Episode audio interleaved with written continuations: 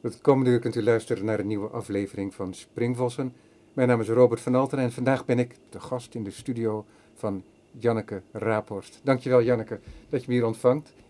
We zijn omgeven in jouw studio ook uh, door je werk. En dat werk dat bestaat gedeeltelijk uit werk in, in textiel, um, in kleding, maar je maakt ook objecten en tegelijkertijd herinner ik mij ook performances die jij maakte.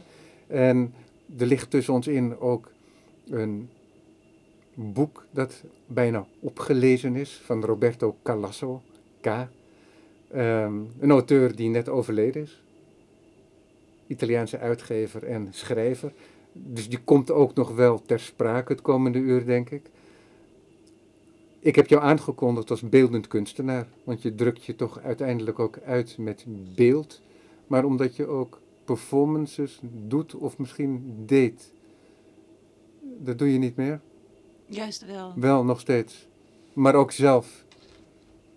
Ja. Allereerst welkom. Ja, dankjewel. In de ja, ik, ik, ja, ik stap altijd meteen midden in het gesprek. Dat is een uh, gewoonte die ik heb. Misschien is het aardig om een heel specifiek werk voor aan te plaatsen. Om een beetje een idee te krijgen van hoe je werkt. En dat is dan ook meteen een soort. Dat gaat dan over dat specifieke werk. En dan denk ik aan je project Elastic uh, Habitat. Dat is een project dat je met een andere kunstenaar hebt gemaakt. Helena Dietrich. Ja, zij werkt in Brussel. En zij zag een tent van mij de Lotus Desert Shelter. Dat is een tent die ik heb gemaakt om in de woestijn te kamperen. Voor, ehm, en zij zag dat als een soort um, een kledingstuk, maar groter dan je lijf. Dus zij, en zij zocht naar iemand die haar kon helpen met het maken van een garderobe om je te kunnen verkleden met kledingstukken of met stukken die niet aan kleding doen denken. Of, of ontwerpen zonder connotatie, voor zover dat kan. Oh ja, net zoals een tent in die gedachte. Een, die werd als kledingstuk gedacht, maar die heeft niet uh, de vorm van het lichaam. Ja. Maar wel uh, beantwoordt wel aan dimensies van het menselijk lichaam. Ja. ja. En de bewegingen die je kunt maken en um, waar zij zich mee bezighoudt, was, is het, um, zo, hoe ervaar je je lichaam? En wat, waar ze vandaan kwam was mensen verkleden en vervolgens interviewen om erachter te komen wie ze zijn en, en hoe die kleding daar een invloed op heeft. Maar, dus, maar, maar waarom wilde zij dat? Om, om, een, om een performance te maken of mogelijk. een voorstelling? Dus zij, zij is op zoek naar dat, dat idee van wat is je lijf en hoe voel je dat en hoe definieert je lijf je zijn. Maar wat voor werk maakt zij doorgaans buiten jou om? Dus ze bestond al als kunstenaar voordat ze met jou werkte. Maar wat maakte ze dan zo al? Ook beeldende kunst. Ja, ja, oké. Ja, dat is niet theatermaker of choreograaf? Of nee, niet, per se. Ja, ja. Wat uiteindelijk uh, de samenwerking die we toen zijn aangegaan is geworden, is een voorstelling in theater. Maar, maar waar het publiek uh, de werken kan aantrekken. Dus dat zijn, we, noemen, we hebben het bodies genoemd, lichamen. En uh, uh, die, die zijn samen ontwikkeld. Ik heb ze gemaakt. En naar aanleiding van een gesprek of een interview wat zij is aangegaan met een serie mensen. We zijn begonnen met tien. Het kan nog steeds groeien. En zij heeft per persoon uh, uh, in dat interview niet veel gepraat, maar ze blootgesteld aan materiaal, aan geluid, aan oefeningen. En dan moesten de mensen zich daarmee ja, daar uiten, met tekening, met steekwoorden, met fantasie, met associatie. Dat klinkt, dus dat een, beetje een soort dossier. Het, dat klinkt een beetje als het voorbereidingsjaar van de Rietveld Academie ook. Dat je met materiaal wordt geconfronteerd en dat je daarop moet reageren. Nou, dit waren mensen niet als kunstenaar nee, dat begrijp gevraagd, ik. maar dat als, ik. als mensen in een lijf. dus, dus het ging echt over hun gevoel en hun psyche, niet om hun creativiteit. nee, dat begrijp ik. Dat begrijp dus, dus dat dossier kreeg ik dan. En dan gingen we samen naar kijken van hoe vertaal je dat in materiaal. Maar dat is wel interessant, dan stop ik je eventjes. Want ik ken werk van jou waarin jij dat ook doet. Dat je uh, in interactie gaat. Je bent een kunstenaar die in de studio werkt, maar je bent ook een kunstenaar die vaak samenwerkt met mensen in die zin dat jij weliswaar de kunstenaar bent, maar dat je ook de interactie opzoekt met mensen en dat je hun verhalen, naar hun verhalen luistert en dat sommige mensen bijvoorbeeld uh, persoonlijke uh, textiel, hè, wat al iets is, een deken of iets dergelijks uit de kindertijd uh, van zolder gehaald. En dat je met de verhalen die je dan te horen krijgt, dat je daar vervolgens bijvoorbeeld een, een kledingstuk van maakte waarin dat verhaal ook wel weer een rol gaat spelen. En dat pas je dan ook weer toe in bijvoorbeeld iets van een scenario. Ja. Van een performance en misschien ook zelfs bijgaande teksten. Hè, want dat is eigenlijk nog niet genoemd tot, uh, tot dusver in het gesprek. Is dat je ook schrijft. En dat schrijven, dat is niet iets wat zomaar een aparte tak is van je kunst, maar dat heel vaak gewoon in directe relatie staat met die kunst. En je, je beeldend werk en je tekst die voeden elkaar wederzijds en ondersteunen elkaar ook wederzijds. En soms komen ze echt ook helemaal samen tot één werk. Ja. Als ik dat mag samenvatten zo. Ja. Ja, dat mag. Kijk, dat mag. Dan kom ik dan weer goed weg. en om dan terug te komen op die methode. Ja van de, de, de mensen als materiaal gebruiken daarin. Daarin sluiten we volledig aan. En is het ook uh, dit project Elastic Habitat een samenwerking meer dan als ontwerper alleen maar uitvoeren wat er gemaakt moet worden. Dus het was echt een elkaar beïnvloeden. Maar daar ging het werk ook juist over dat, dat een, een lichaam is niet een eindstation of het is altijd iets tijdelijks. Ja. Dus ook. Uh, maar um, om dan dat project nog verder maken. uit te leggen. Mm -hmm. uh, je kreeg, laten we zeggen, iets van een um, biografie, noem ik het maar eventjes. Ik vind het dossier een mooi woord. Okay. Want de biografie is zo verhalend. Ja. En het ging echt over uh, een, een, ja, een, een, een noem je zoiets, uh, gegevens. Gegevens en het was niet een sluitend verhaal. Nee, zoals een biografie wel eens uh, bij elkaar gelogen kan worden, eigenlijk ja. altijd, min ja. of meer. Ja. Hè, dat we, we zijn toch geneigd om dingen af te ronden. En dat kreeg jij, dat dossier kreeg jij dan vervolgens in handen. En hoe ging dat dan verder in zijn werk? Nou ja, dat ging dan alsnog wel in een uitwisseling met Helena.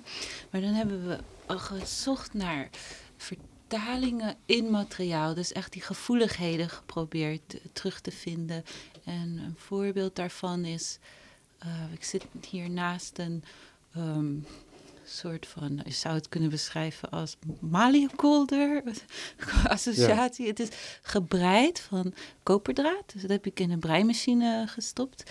En dat is een een, een, echt een uh, soort van textiel geworden daardoor. Ja, maar en omdat je dan voor de luisteraar die het niet ziet, het, uh, het is een kleed op een kledingpop. En de kleur van die kledingpop die komt er gewoon echt doorheen.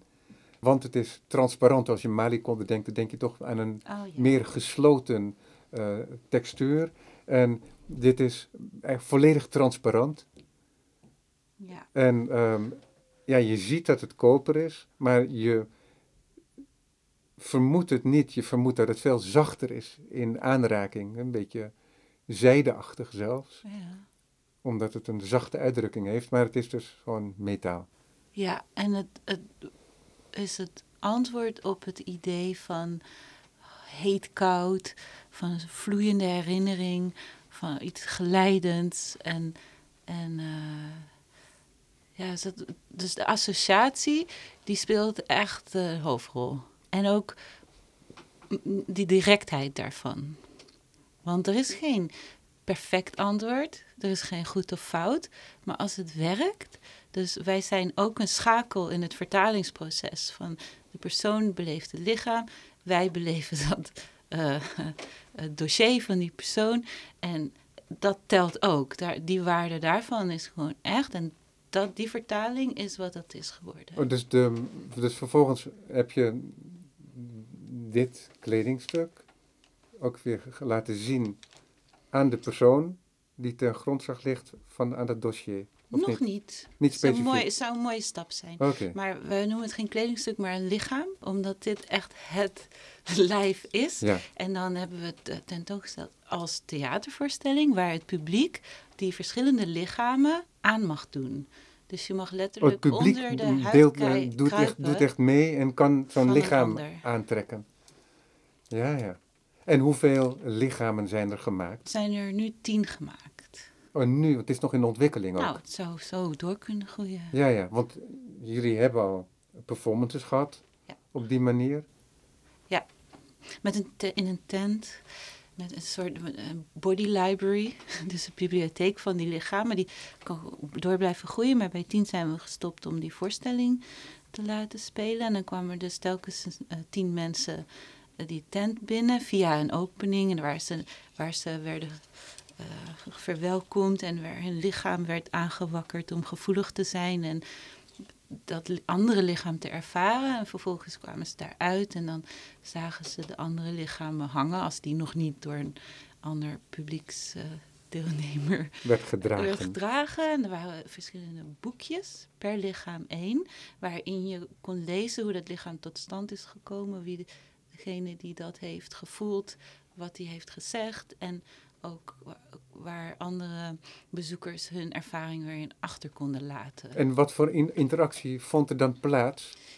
Als die mensen die lichamen droegen en dan ook onbekenden tegenkwamen? Ja, nou, soms kon je ze zien, soms niet. Het hing ook van het lichaam af. Uh, of, je ook, of de keuze of je je ogen daarbij gebruikt. Of, of je elkaar kon voelen. En uh, dat was op een tapijt wat verschillende hoogte had. Dus het, het ging al niet meer over uh, staan en kijken. Het ging al echt over beleven en belichamen. Dus er konden ook ontmoetingen plaatsvinden. Ik zelf fantaseerde erover hoe het zou zijn als die lichamen zich konden voortplanten. En daar kwamen dan weer andere lichamen uit. Welke materialen die dan zouden hebben. Um, maar ja, dat is. Uh, ja. Maar dat is, dat, maar wat, wat heel interessant is, is dat jullie werk, dus jouw werk, samen met dat van Helena Dietrich, zo bij elkaar komt. Ja. Omdat ik ook uit ouder werk van jou ken, waarin je dat idee, ik weet, ook, weet niet of je dat ook lichamen noemt, maar waarin je ook al creaties maakte, die gedragen konden worden, maar die zich niet hielden per definitie aan de vorm van het lichaam hè, aan symmetrie en, um, en ja. Het is ook voorgekomen, ja.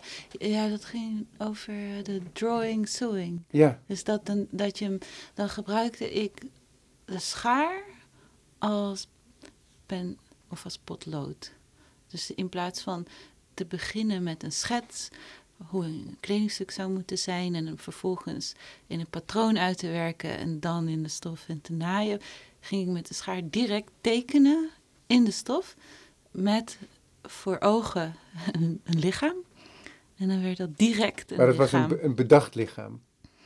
Mm, hangt er vanaf of je op het moment tekenen en er naar kijken, ervaren, denken noemt. Ja, dus dat was jouw manier van tekenen maar dat tekenen, dat was ook tegelijkertijd het uh, scheppen van, een, van een werk. Ja, dat waren schepsels, ja. ja. Ja, inderdaad.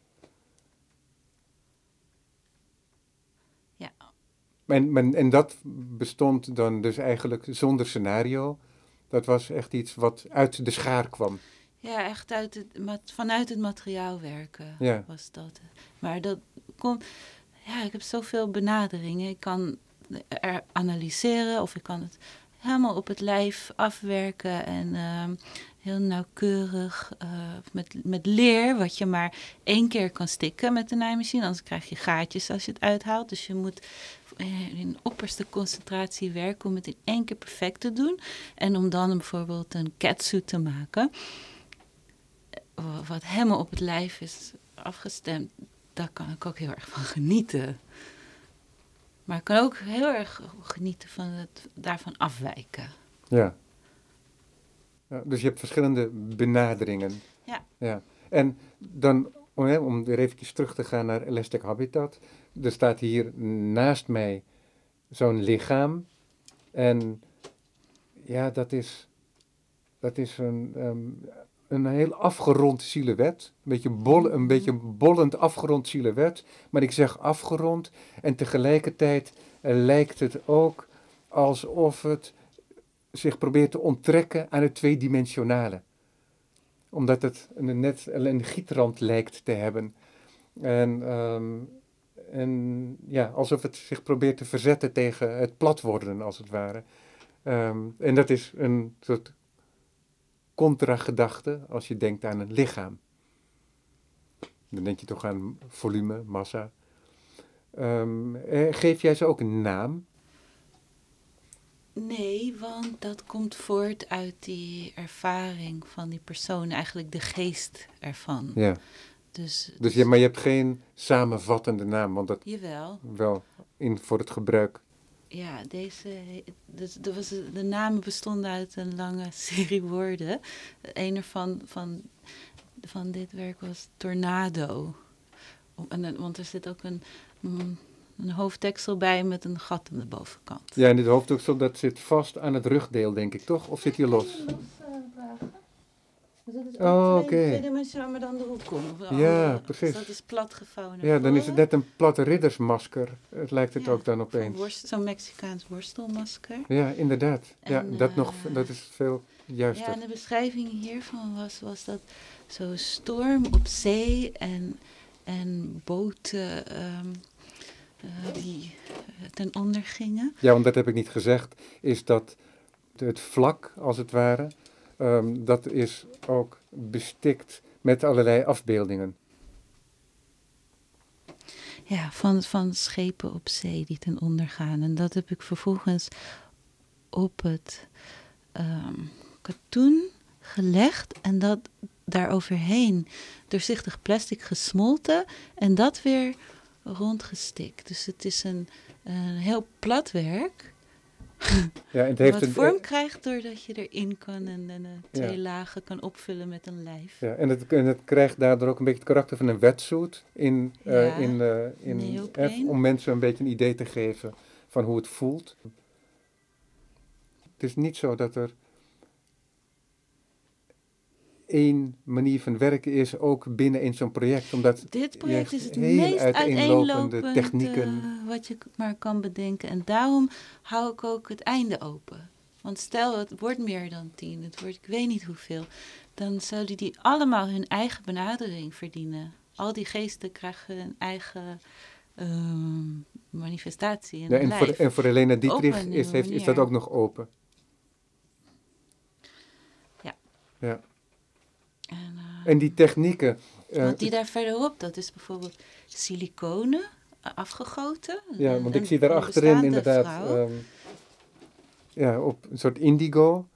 Met een, met een kleed en een soort transparant bovenstuk en borsten. Waar is dat van gemaakt? Ja, siliconen. Ja, ja. En waar dat vandaan kwam was de ervaring van een, uh, een vrouw met een sigaar een oudere vrouw en ze had hele, eh, veel, veel tatoeages. Dus die blauwe inkt in haar lijf.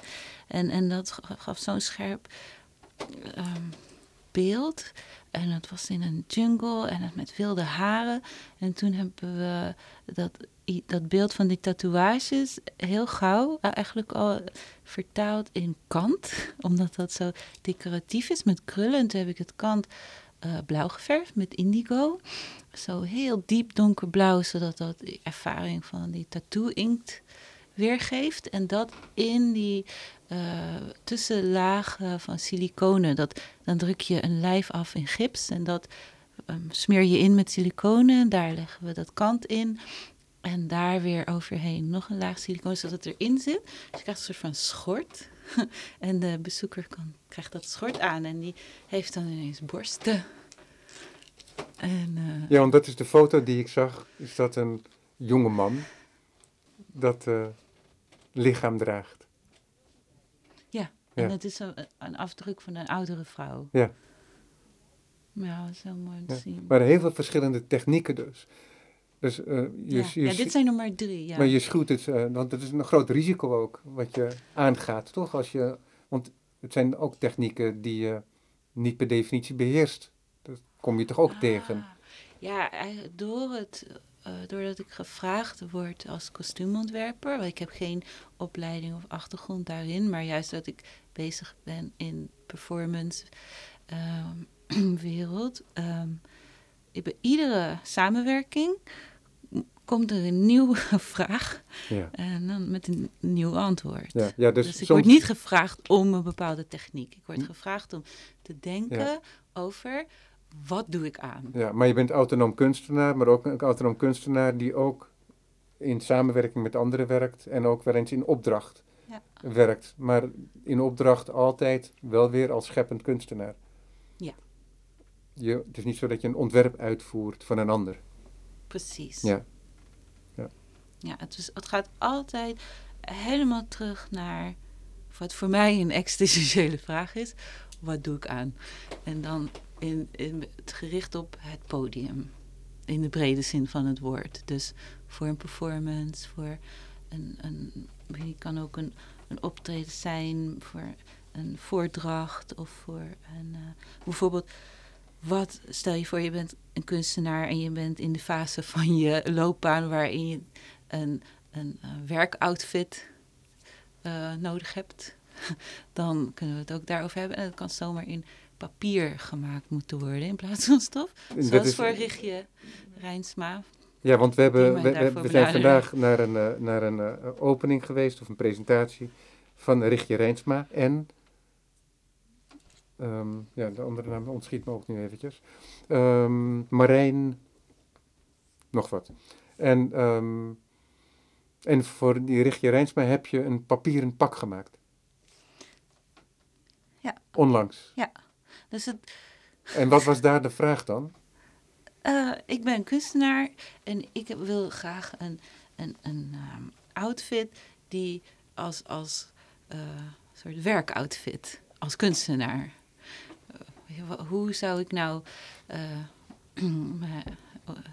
in de menigte voor performance uh, kunnen begeven, dat dat echt aansluit bij mijn praktijk. En zij stelt veel vragen en ze schrijft veel dingen op in notitieboekjes. En daarom dacht ik, ja, misschien hoeft dat helemaal niet een outfit te zijn met van stof, uh, die doet denken aan kleding. Maar daar gaat het misschien niet over. Het gaat meer over dat papier en wanneer is het vol en dan is, moeten we nieuwe maken. Dus ook het leven van een notitieboekje. Ja, ik moet er nu ook aan denken dat je dat zie je wel eens in oude films, dat, een, dat klerken, die hadden dan um, papieren um, manchetten. Oh, echt? Waar ze notities op konden maken. In films? Ja, in films heb ik dat wel eens gezien, in oude films. Een beetje zo'n een, zo'n ah. klerk en die dan even een gouden notitie maakt en dat op de papieren kaf, op de papieren manchet uh, doet. Nou, dat klinkt heel interessant. Nou, als, ik, als ik het nog een keer tegenkom, dan zal ik, uh, dan zal ik het je toesturen. Ja. ja. Maar, um, want dat is bijzonder, vind ik, aan jouw praktijk. los van het feit dat, je, dat ik je werk bijzonder vind, maar ook dat die afwisseling um, een, naadloos is. Dus dat jij, geen, dat jij geen onderscheid maakt tussen die interactie met andere kunstenaars, tussen een vraag van een kunstenaar voor een werk met bepaalde informatie en het maken van werk dat helemaal niet in interactie met een andere persoon uh, tot stand komt, maar volledig gewoon binnen, hier binnen de muren van je studio. Ja, maar er is geen beperking. Er is natuurlijk altijd de wereld. Ja. Dus wat dat betreft. Ik wil maar zeggen, geen enkel kunstwerk komt in volledig isolement tot stand. Ja. Ja, wat je nu oproept, dat brengt mij eerder bij het idee van het virtuele. Dus bijna het idee van het leven, waar, maar niet in de dimensie van het materiële. Dus gewoon de denkwereld en de voelwereld. En um, dat op een gegeven moment, als je het wil uh, manifesteren, dan moet het materiaal worden. En het gaat echt over die stap. Dus je zou kunnen zeggen, het concept voordat het iets wordt. En dan kan, ja, dan, um, wat het mooie is van, of ik heb de vaardigheden ontwikkeld omdat ik de passie heb voor textiel. Dus daarom druk ik me veel in die, uh, daar, daarin uit.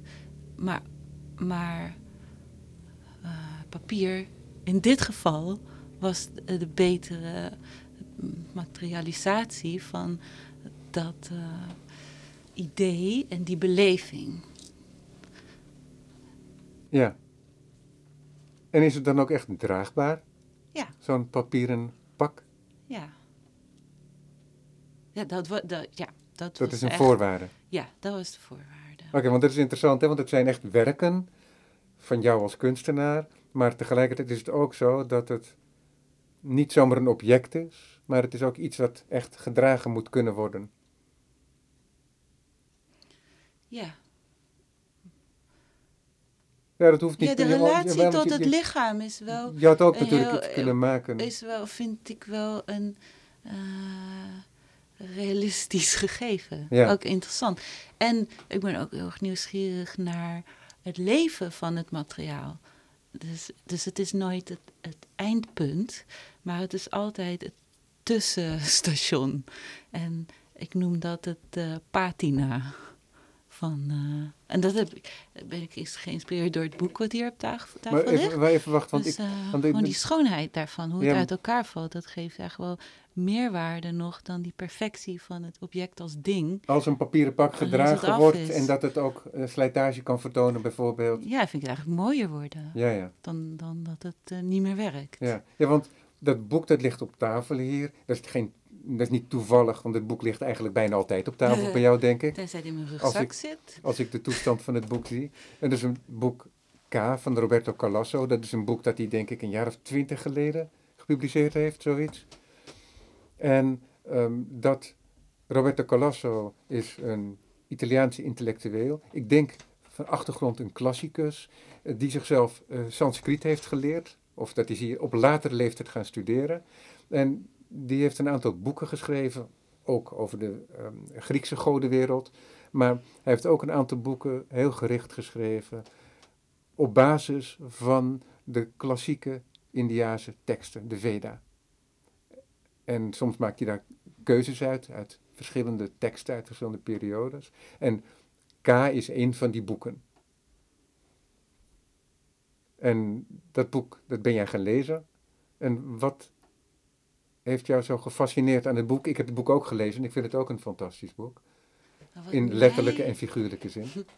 ja, qua fantasie.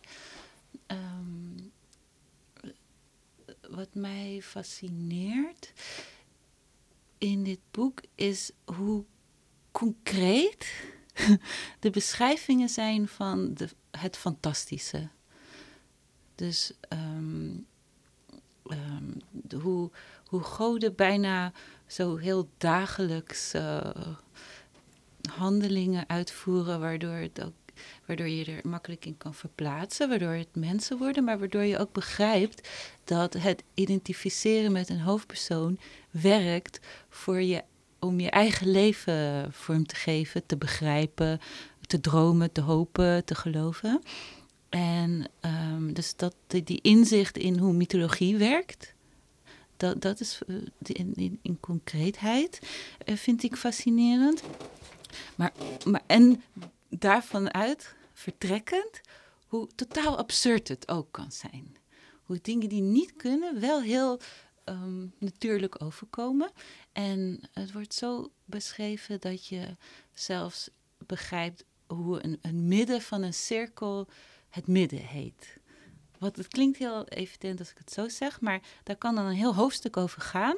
En dan worden dieren en mensen en het uit elkaar vallen van de wereld, het opnieuw geboren worden van de wereld, wordt daarbij gehaald. Maar, dus het gaat ook over taal zelf. Ja. En het besef van vorm, van uh, 3D, van 2D, van geboren worden, concept, uh, conceiving. Zo het gaat overal over. Ja, want wat interessant is, en denk ik aan het boek ook, is dat die Calasso, die Sanskriet gaan studeren, um, heeft dat gemeesterd, kon vervolgens die bronteksten lezen, schrijft er zijn eigen boek over. Maar als je het leest, dat boek, toen ik dat voor het eerst las, toen, ik ken die klassieke teksten niet, dus ik wist niet waar het een soort romantisering was. Hè? En dat het tot een, een nieuw verhaal werd, tot een Calasso-verhaal. En waar het, laten we zeggen, een documenteren was voor de lezer van die klassieke teksten. Ja, wat denk ik essentieel is, is om te beseffen dat het een interpretatie is. Ja. En eh, dat vind ik uh, een heel mooi recht. Ja, maar, het zijn, ja, maar het zijn dus vertellingen, maar tegelijkertijd is het ook zo dat het ook om de taal gaat. En dat is iets waar ik me kan, van kan voorstellen, dat dat jou ook geraakt moet hebben bij het lezen van die tekst. Dus niet alleen die verhalen en het, het buitennissige, en tegelijkertijd ook het herkenbaar menselijke en het fantastische, maar ook die, dat taal, een taalspel wat erin zit en een mogelijke interpretatie. Ja. Ja, het is heel zorgvuldig opgebouwd.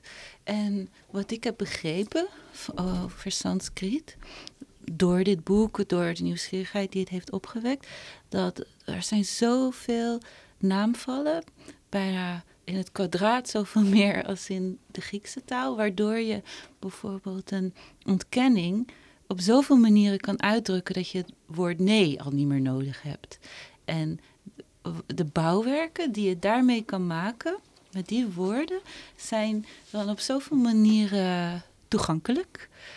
Dat je dat boek al, al oneindig zoveel keer kan lezen. Ook al is het zo dat... Omdat je telkens een nieuw ingang vindt in hetzelfde verhaal. Net welk, hoe je het woord kent. Ja.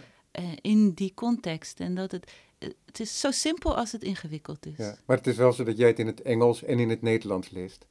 Ja. Ja, en, uh, maar, en dat is denk ik misschien wel heel kernachtig dan wat je zegt, hè? die openheid. Dat is iets waar jij jezelf ook in herkent. Of jij mij.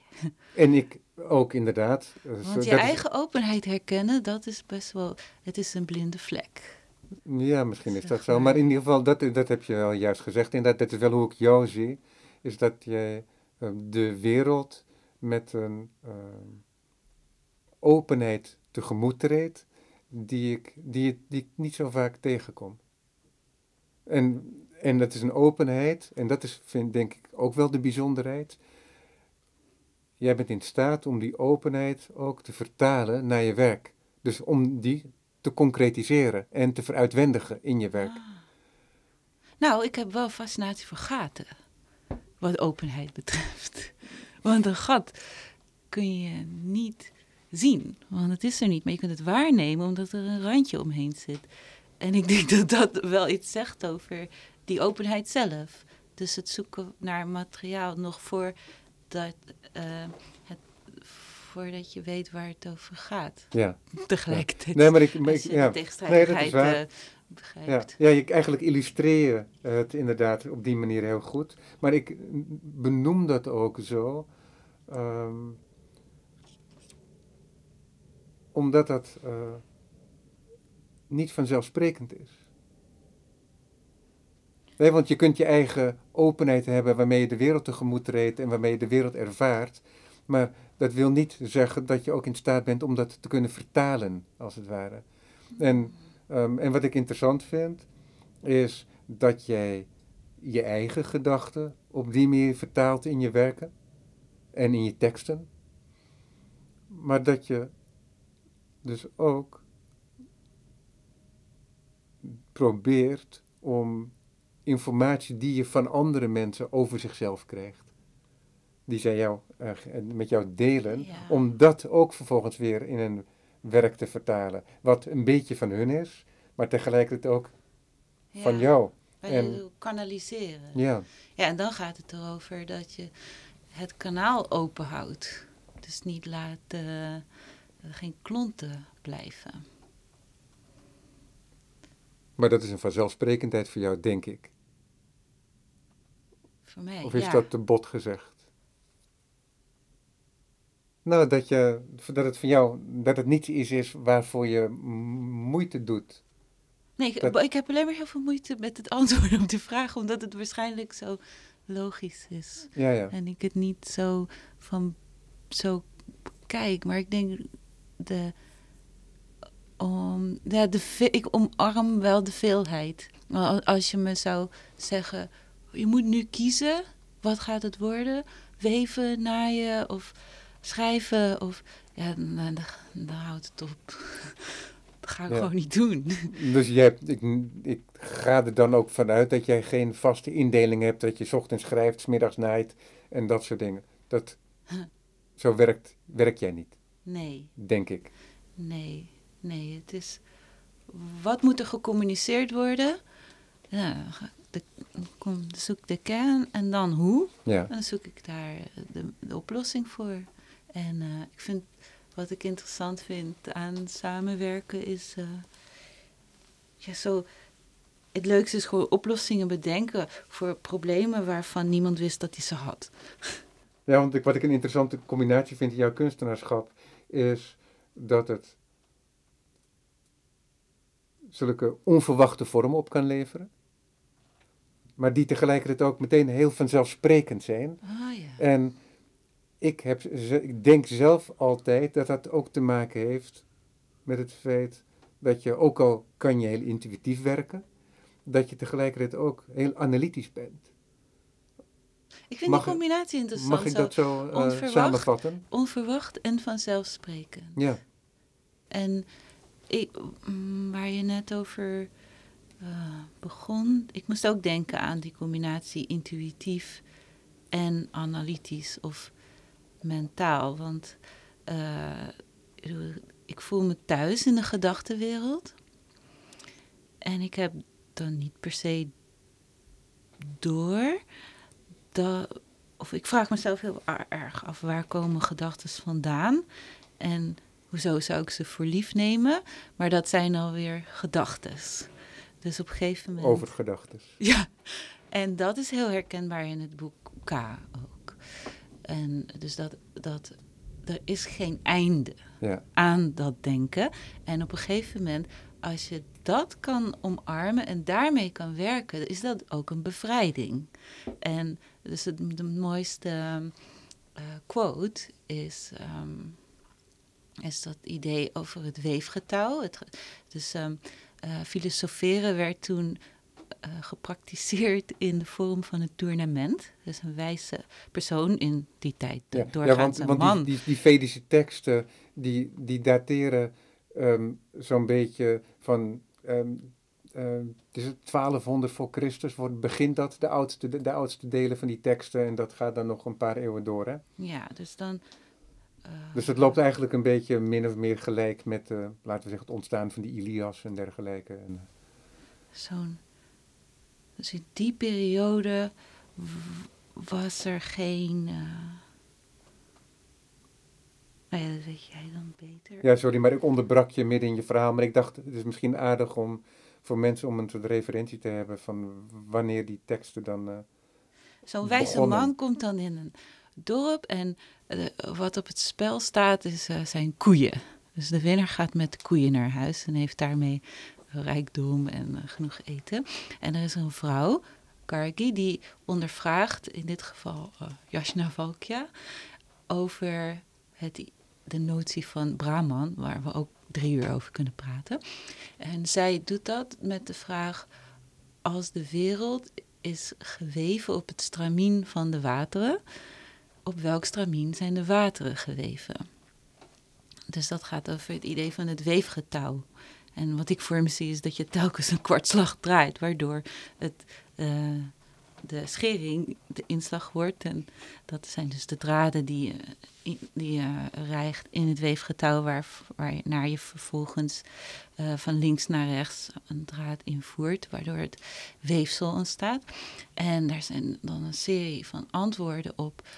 En um, waar uiteindelijk uit blijkt dat er is geen eindantwoord ja. Dus de wereld wordt gedragen door een concept, wat gedragen wordt door een concept, door een beleving, door een concept. En ga zo maar door. En dat, zo die beweging eigenlijk, dat ontstijgt ook dan het uh, dualistische denken. En dat continu in beweging zijn, dat vind ik iets heel moois om te ervaren. En dat is weer misschien vergelijkbaar met zo'n intuïtie. Ja. Dat niet of het een of het ander is, maar dat gewoon die directheid is van het gegeven wat in je opkomt. Of een ingeving, zo zou je het ook kunnen noemen.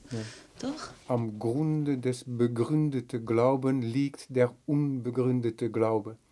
Dat is van uh, Wittgenstein. Dat is ook een beetje hetzelfde idee. Dat, je, mhm. dat er uiteindelijk. En ik heb dat, die uitspraak van Wittgenstein altijd gepaard met een beeld uit het oude India. Oh ja? Van de wereld die gedragen wordt door olifanten, die gedragen worden op, de, op uh, de, de, schild van een schildpad. Ja. En waar die schildpad dan weer op staat.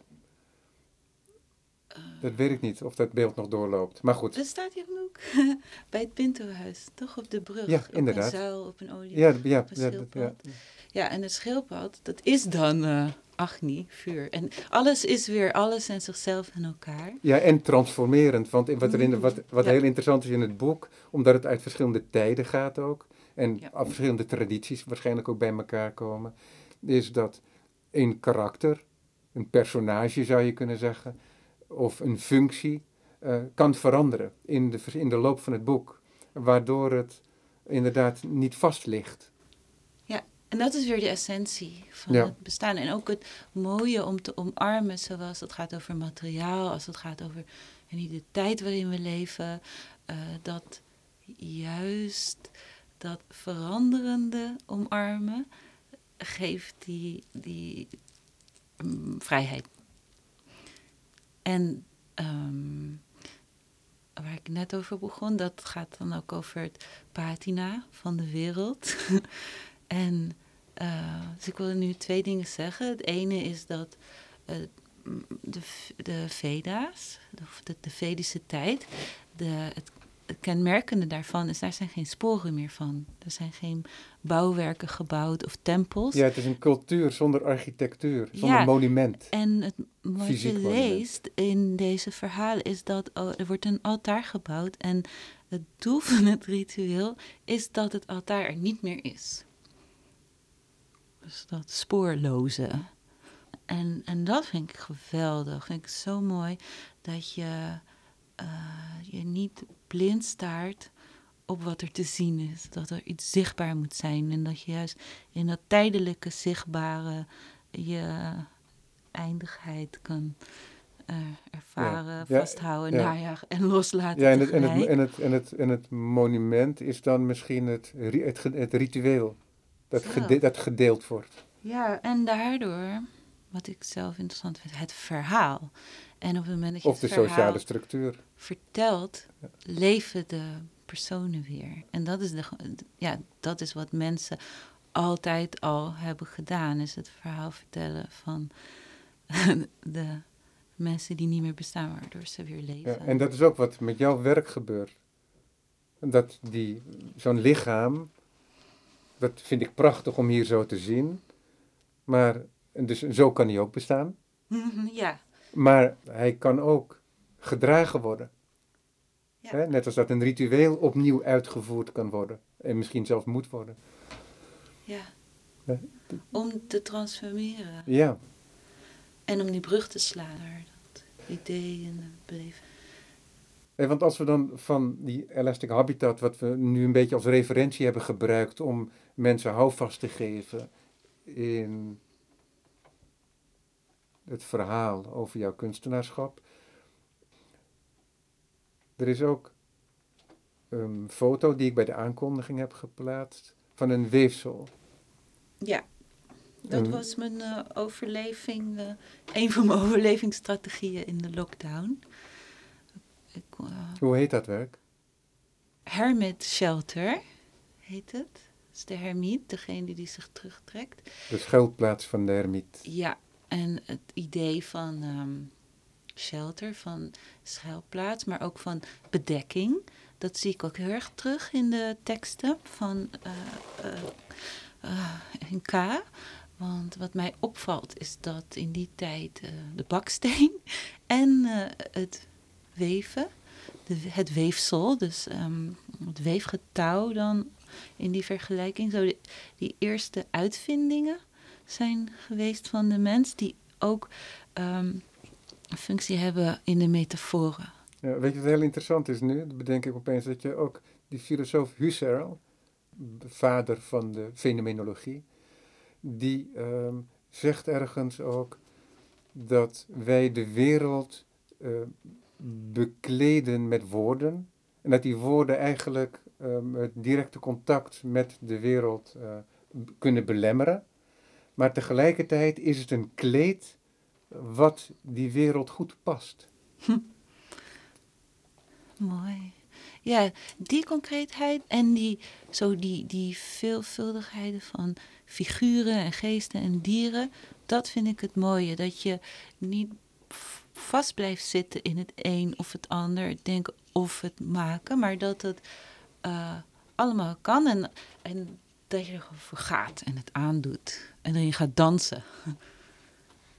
Ja, maar in dit geval is het zo dat het een weefsel is en het is een heel open weefsel, van, gemaakt van zijde. Het is um, iets hoger dan een meter en het is zo'n, wat is het, 60 centimeter breed denk ik. Ik doe nu even een grove schatting. Het is een heel los weefsel, een heel open weefsel. Dus het is opmerkelijk dat dat een uh, shelter wordt genoemd, want het is een openheid, dus het is uh, niet verhullend als het ware. Want als je het zou dragen, of als je het in licht ziet, dan is het volledig transparant.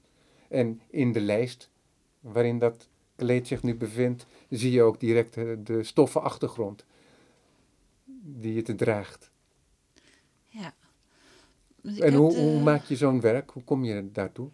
Nou, ik heb eigenlijk de vrijheid uh, genomen en gehouden om het niet perfect te doen en niet passend te doen. Want ik heb, het waren allemaal um, het gereedschap, het materiaal heb ik gekregen. Mensen wisten dat ik met stof bezig ben, dus zij zeggen: Jij kan hier misschien wat mee. En in zo'n lockdown, dat is een periode waarin je dingen gaat doen. Ik spreek voor mezelf, maar ik hoor dat ook van anderen, waar je anders niet aan toe kwam. Dus ik zat op een boot en ik heb iedere dag dat ik daar was, de horizon geweven. Dus het uitzicht van die boot op het Markermeer. Uh, dus hoe de lucht en het water elkaar ontmoet. Wat ook een uh, inspiratie is voor uh, mensen die in het meer van Titicaca hebben gezeten. En wat terugkomt in dekens van landen daaromheen. En ook in, uh, ik ken wel die Mexicaanse dekens, waar je een hele dunne lijn van één kleur ziet, die aan weerszijden dezelfde kleurschakering ervaart naar een andere kleur. En dat in verschillende stroken. Kan je daar iets bij voorstellen? Die, um, dat heb ik gedaan met wat ik daar zag in Nederland. En met, het, uh, met de garen, zijde garen die ik ook heb gekregen. En dat hoort eigenlijk niet in dat weefgetouw. Dus het is een weefsel waar, je, waar ik uh, bescherming in vind in dat moment. Maar waar ik besef dat überhaupt het weven zelf op deze plek op de aarde, dat doe je niet echt om je te kleden. Want kleding en uh, de weefsels waarvan kleding is gemaakt, die hier te koop is, dat komt allemaal uit andere landen.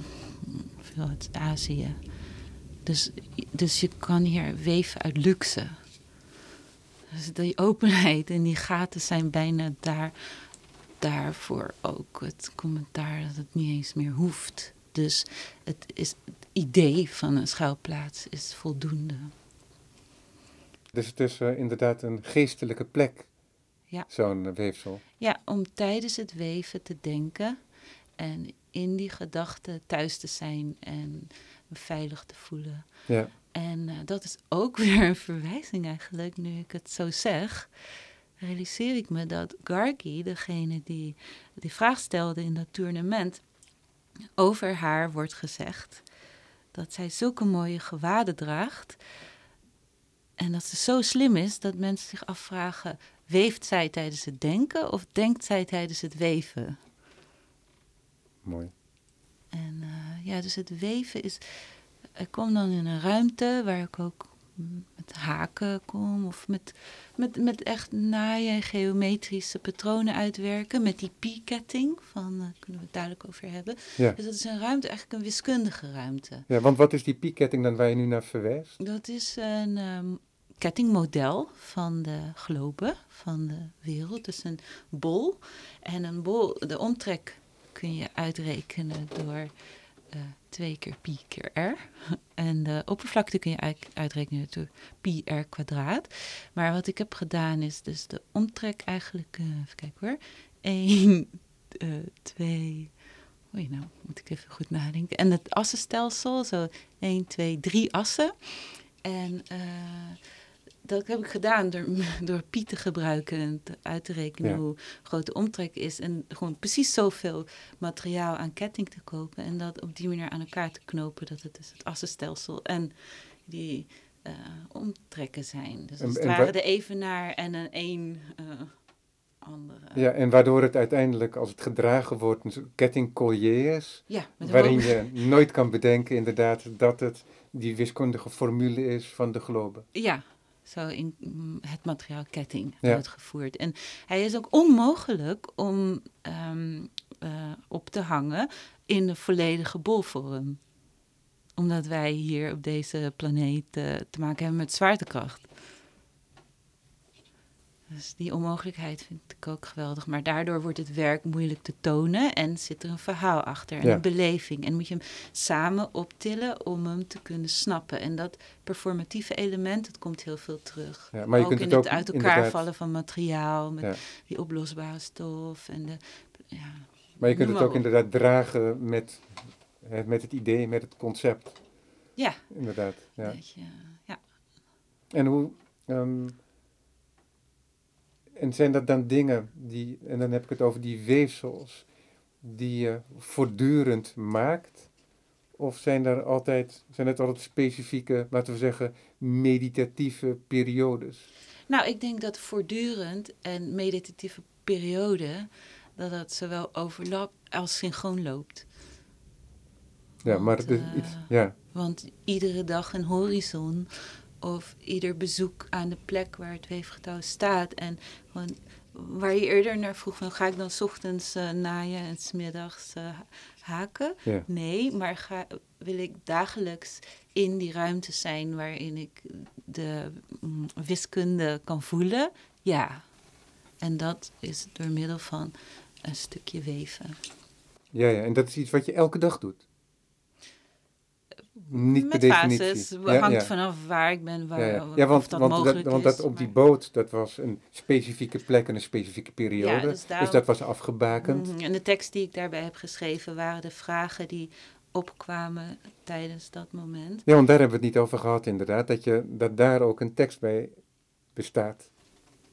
Ja, ja, vroeger was tekst en textiel, er werden eh, eh, ingewikkelde projecten met presentatie en druk. En nu hou ik het meer uit elkaar. Dus tekst is een, um, dat is tegenwoordig meer een begeleide reis die ik schrijf en waar, uh, die ik dan perform, waar ik het publiek meeneem op een reis in de fantasie. Dus dan is dat echt de tekst als werk.